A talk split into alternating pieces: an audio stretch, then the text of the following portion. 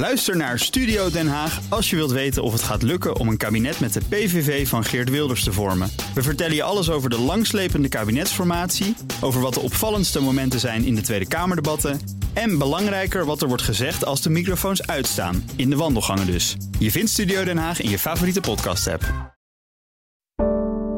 Een goede morgen van het FD. Ik ben Anna Dijkman en het is maandag 30 oktober.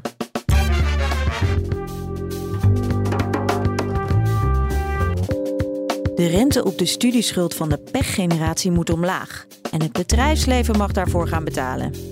De bankenbelasting die gaat omhoog. Over een belasting op inkoop eigen aandelen. Die hadden we eerst niet in Nederland. Accijnsen gaan omhoog. Uh, nou, zo kan ik nog wel even doorgaan. Mega-overnames schudden de oliesector op. We hebben eigenlijk een paar jaar gehad waarin vooral in Europa heel erg werd gekeken naar oh, maar die oliemaatschappijen moeten duurzamer worden, die moeten in uh, groene energie gaan investeren. Ja, en dan zie je ondertussen dat ExxonMobil 60 miljard betaalt voor een ander oliebedrijf. En de hoge rentes laten zich gelden bij bedrijven en overheden. En dan neemt gewoon de kans uh, toe dat er ergens een schakel breekt. Dit is de dagkoers van het FD. Allereerst de rente op studieleningen. Die gaat omlaag voor de zogenoemde pechgeneratie. Om dat te kunnen doen wordt het belastingvoordeel voor expat juist versoberd. Volgens politiek verslaggever Martine Wolzak wilde een deel van de Kamer al langer iets doen aan die expatregeling. Heel veel politieke partijen vinden dat het te aantrekkelijk geworden is, fiscaal, om uh, buitenlandse werknemers aan te nemen. De discussie over arbeidsmigratie is natuurlijk ook heel erg op gang gekomen de afgelopen tijd. Pieter Omtzigt, dat is degene die dit voorstel gedaan heeft om die expertregeling stapsgewijs te gaan afbouwen, die heeft daar ook als speerpunt van zijn verkiezingsprogramma gemaakt. En daarmee is het eigenlijk een beetje laaghangend fruit om geld uit deze regeling te halen. Dat als je iets wil doen voor mensen hier in Nederland, zoals studenten, waarvan uh, de Kamer vindt dat het achteraf gezien toch best wel heel vervelend voor ze is dat ze een tijd geen studiebeurs hebben gekregen, daardoor relatief veel schulden hebben gemaakt en veel hebben geleend. Om dan dit geld daarvoor te gebruiken. Want ja, inhoudelijk hebben die twee dus eigenlijk helemaal niks met elkaar te maken. Die 200 miljoen, dat klinkt ook niet als een heel groot bedrag. Maar het bedrijfsleven is hier niet heel erg blij mee. Waarom zijn zij daar zo verbolgen over? Nee, die 200 miljoen is inderdaad niet heel veel. Overigens ook niet om die studenten te helpen. Je moet ook nog bedenken, het duurt ook nog een paar jaar voordat je daadwerkelijk 200 miljoen extra binnen gaat halen door dat versoberen van die regeling. Want dat gebeurt dus met stapjes. Als je die studenten daarmee wil helpen, heb je eigenlijk wel wat meer nodig. Die bedrijven stellen daartegenover, ja, voor ons is dit juist super belangrijk, want wij moeten op een internationale arbeidsmarkt concurreren om talent, om hoogopgeleide mensen, zeker bijvoorbeeld in de techniek. Nou, ASML wordt heel vaak als voorbeeld genoemd. Ja, die willen mensen van over de hele wereld hier naartoe halen. Dan kan dit het verschil maken. In de Tweede Kamer waren ze trouwens niet zo heel erg gevoelig voor dat argument. Hadden ze iets van, ja, ASML is een heel winstgevend bedrijf. Dus die zou toch gewoon zijn eigen salarissen moeten kunnen betalen. Mhm. Maar bijvoorbeeld vanuit VNO-NCW wordt dan gezegd, ja, maar alle landen om ons heen hebben vergelijkbare regelingen inmiddels opgetuigd. Dus we krijgen een, een concurrentienadeel hierdoor. En er komt ook nog eens bovenop dat er de laatste tijd in de Tweede Kamer wel heel veel maatregelen zijn genomen die het bedrijfsleven geld kosten. Er is afgelopen week ook gestemd over de bankenbelasting, die gaat omhoog. Over een belasting op inkoop eigen aandelen, die hadden we eerst niet in Nederland. Accijnsen gaan omhoog. Uh, nou, zo kan ik nog wel even doorgaan. In hoeverre is het ook ingegeven vanuit een soort onvrede vanuit de Nederlandse werknemer? Want voor hetzelfde werk houdt dus zijn buitenlandse collega uh, meer over. Ik denk dat het vooral uh, de discussie over de woningmarkt hier wel een rol in gespeeld heeft.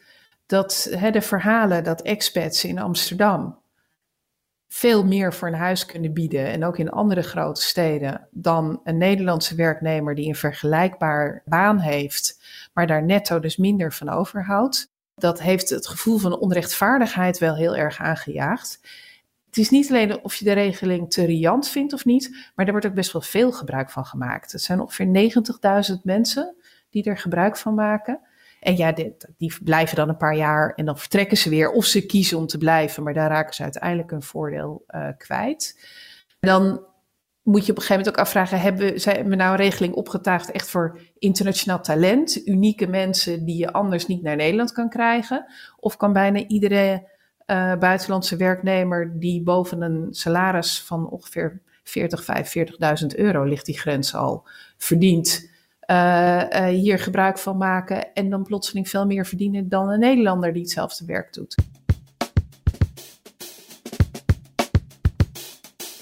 In de Verenigde Staten waren de afgelopen maand twee mega-overnames in de oliesector, verrassend snel na elkaar. Amerika-correspondent Lennart Sandbergen legt uit wat dit betekent. Ja, dit zegt denk ik toch wel iets over uh, de toekomst van de oliesector in het algemeen. Uh, we hebben eigenlijk een paar jaar gehad waarin vooral in Europa heel erg werd gekeken naar. Oh, maar die oliemaatschappijen moeten duurzamer worden, die moeten in uh, groene energie gaan investeren. Ja, en dan zie je ondertussen dat ExxonMobil 60 miljard betaalt voor een ander oliebedrijf. Chevron betaalt 53 miljard voor een ander oliebedrijf. Ja, dat laat toch wel weer zien dat die Amerikanen toch wel weer wat meer gewoon voor de olie gaan. Ja. En ja, die olieprijzen zijn ook gewoon een stuk hoger dan ze, dan ze een lange tijd waren. Dus daarmee zijn dit soort investeringen ook weer een stuk rendabeler dan in het verleden. Waarom gaan ze toch zo vol voor olie? Want je zou toch denken dat daar de toekomst niet echt meer ligt? Nee, de toekomst misschien niet op de hele lange termijn. Maar goed, uh, tegelijkertijd is het ook wel weer zo dat er nog geen alternatieven zijn, uh, vinden deze oliemaatschappijen in, in, in ieder geval de komende tien jaar. En met de huidige olieprijzen is het dan toch wel weer lonend om dan toch maar te kiezen om zo'n grote overname te doen. En uh, ja, toch nog maar even in ieder geval die komende 10 jaar, 20 jaar, hoe lang het ook gaat duren, te profiteren daarvan. Ja, en uh, het dan nog maar eens aan te kijken. En is het zo dat uh, in de sector dat er meer overnames nog verwacht worden of was dit het wel? Nou, er zijn in de Verenigde Staten nog wel een hele hoop kleinere oliemaatschappijen, vooral die actief zijn in, met schalieolie. Uh, nou ja, dat is in, in Europa nogal bekritiseerde vorm van oliewinning, maar in de VS is dat nog best groot. Um, ja, en dat soort kleinere producenten, die zouden wel eens met elkaar kunnen gaan fuseren nu, denken veel analisten. Uh, er zijn ook nog een paar wat grotere olie, oliemaatschappijen. ConocoPhillips is een grote die mogelijk ook nog wel uh, zo'n overname plant. Maar dat viel natuurlijk al wel op dat Chevron die overname deed, eigenlijk net nadat Exxon het had aangekondigd. Um, ja, dat laat toch ook wel weer zien hoe uh, dat de logica voor allebei die bedrijven hetzelfde is. Want zo'n overname is natuurlijk niet in een week bedacht. En denk je dat ook de pijlen dan uh, gericht worden op bedrijven als Shell en BP? Die dan wel wat meer aan duurzaam doen, maar van wie de koersen op dit moment juist lager liggen. En ze worden natuurlijk ook kleiner relatief gezien ten opzichte van Exxon en Chevron. Ja, klopt. Dat speelt mee. Het speelt inderdaad ook mee dat ja, ze zijn ook gewoon wat minder winstgevend. Uh, beleggers hebben daar ook wat minder vertrouwen in. Maar toch zeggen de analisten die wij hebben gesproken, uh, ja, die zeggen eigenlijk van ja, voor die Amerikaanse bedrijven zijn die Europese oliemaatschappijen toch een beetje eng, omdat ja, de, de Europese regelgeving verandert wat sneller. Uh, er is die focus op duurzaamheid. En voor die Amerikanen die in die olieindustrie, die zien dat toch wel gewoon als gewoon een, een bleeder. Iets wat vooral heel erg veel geld kost en niet zoveel heel veel oplevert. Um, ja, wat wel zou kunnen is dat nu zo'n Shell of BP besluit van ja, hier moeten we ook in meedoen. En dat zij misschien een van die Amerikaanse partijen zouden overnemen. Maar de afgelopen jaren hebben ze juist uh, wat van die activiteiten daar verkocht. Dus dat zou wel weer een hele grote omkeer zijn daarvan. En tenslotte de rentepijn. Om de inflatie te beteugelen hebben centrale banken in rap tempo de rente verhoogd. Verdere verhogingen lijkt nu van de baan, maar die rente gaat voorlopig ook nog niet omlaag. En dat heeft zijn weerslag op overheden en bedrijven. Beursredacteur Arend Klaassen ziet dat de rente bij een deel van de bedrijven al begint te knellen. Bedrijven die moeten volgend jaar, daar heeft het IMF uitgerekend, die moeten wereldwijd bij elkaar ruim 5500 miljard herfinancieren volgend jaar. Dat is een enorm aanbod. Eh, met name bedrijven die hoge schulden hebben of uh, waar een hoog risico aan kleeft, bijvoorbeeld omdat ze in het vastgoed zitten.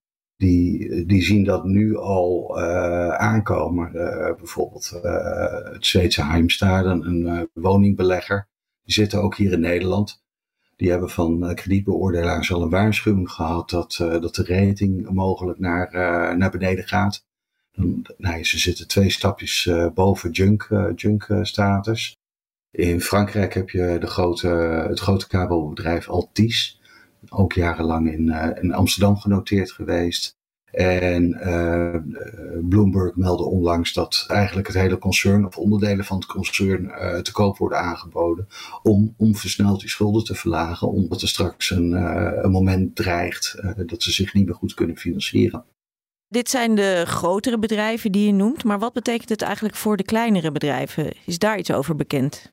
Ja, die hebben er misschien al wel veel, veel eerder mee te maken gekregen. Want die grote bedrijven die financieren zich op de kapitaalmarkt. Uh, met obligaties. Die hebben ze vaak voor meerdere jaren afgesloten. En die merken dus nu pas eigenlijk die rentestijging. Omdat uh, anderhalf, twee jaar geleden begonnen de centrale banken voor te sorteren op, met renteverhogingen, op renteverhogingen. En pas later lopen die obligaties af. Dat is een deel ook van het vertragende effect van het monetair beleid. Maar banken die, uh, die merken dat er eerder. En in Europa zit het NKB kleinere bedrijven die financieren zich vooral uh, bij banken. En die hebben dus de afgelopen periode al hun rente zien stijgen. Maar daar is ook nog niet alle pijn geweest, want uit het meest recente onderzoek van de Europese Centrale Bank blijkt dat uh, banken op dit moment nog steeds bezig zijn om hun uh, rentes te verhogen. ze eisen meer onderpand. Dus daar wordt ook behoorlijk op de rem getrapt. En dan hebben we ook de overheden, want die lenen natuurlijk ook op de kapitaalmarkten. Wat betekent die hoge rente daarvoor? Nou, dat is eigenlijk iets van de afgelopen maanden en weken met name. Je ziet, ziet op de kapitaalmarkt uh, waar, waar, de staatsobligaties verhandeld worden. Um, eigenlijk uh, is, is de rente daar in korte tijd enorm gestegen. Deze week prikte die uh, de rente voor tienjarige leningen van de Verenigde Staten door de 10%. Bij Italië ging die ook door de, door de vijf heen. En uh, dat, dat, dat is wel een, uh, een reden van zorg. Want dat zijn beide landen met een hoog begrotingstekort in, in een tijd dat de economie nog groeit. En uh, bij beleggers zijn steeds meer zorgen van, hey, die tekorten zijn hoog, de staatsschuld is hoog. wat gebeurt er als de economie straks inzakt? Dus er is terughoudendheid in de markt, uh, ook gezien de hoeveelheid staatsleningen die volgend jaar nog naar de markt wordt gebracht om, uh, om dat tegen die oude lagere rentes uh, te financieren. Als je dit hoort over de hogere kosten voor overheden, maar ook bedrijven, dan kun je ook afvragen of er misschien een nieuwe schuldencrisis of een bankencrisis dreigt. Wat zijn daar de meningen over? Een, nieuwe crisis voorspellen, dat is uh, ongelooflijk lastig. Je hebt uh, sommige mensen die doen het voor een uh, beroep bijna en die voorspellen hem constant. Dus dat, dat, dat vind ik moeilijk. Maar wat je gewoon wel, wel kan zeggen, en dat hoor je, hoor je ook terug. En dat, dat is dat de, de rentes gewoon in korte tijd enorm zijn gestegen. En dan neemt gewoon de kans toe dat er ergens een schakel breekt. Waar voorzie jij mogelijke kwetsbaarheden? Afhankelijk van, eh, van, eh, van eh, wat de waardeontwikkeling is in het vastgoed, dat daar gewoon nog de nodige pijn zal, zal moeten worden genomen. En dat, het hangt ook af van hoeveel verder de rente misschien nog stijgt in de markt. Want uiteindelijk is, is, is de rente weegt ook mee in, de, in de waarde van bezittingen. Dus daar zie ik nog wel risico's.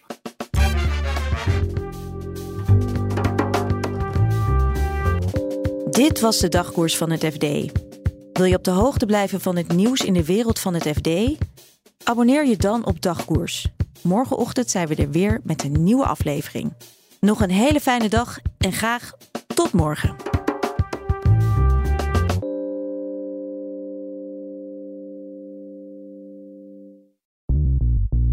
BNR ben je altijd als eerste op de hoogte van het laatste nieuws. Luister dagelijks live via internet. Bas van Werven. En heel langzaam komt de zon op rond dit tijdstip. Je krijgt inzicht in de dag die komt op BNR, het Binnenhof in Nederland en de rest van de wereld. De Ochtendspits. Voor de beste start van je werkdag. Blijf scherp en mis niets.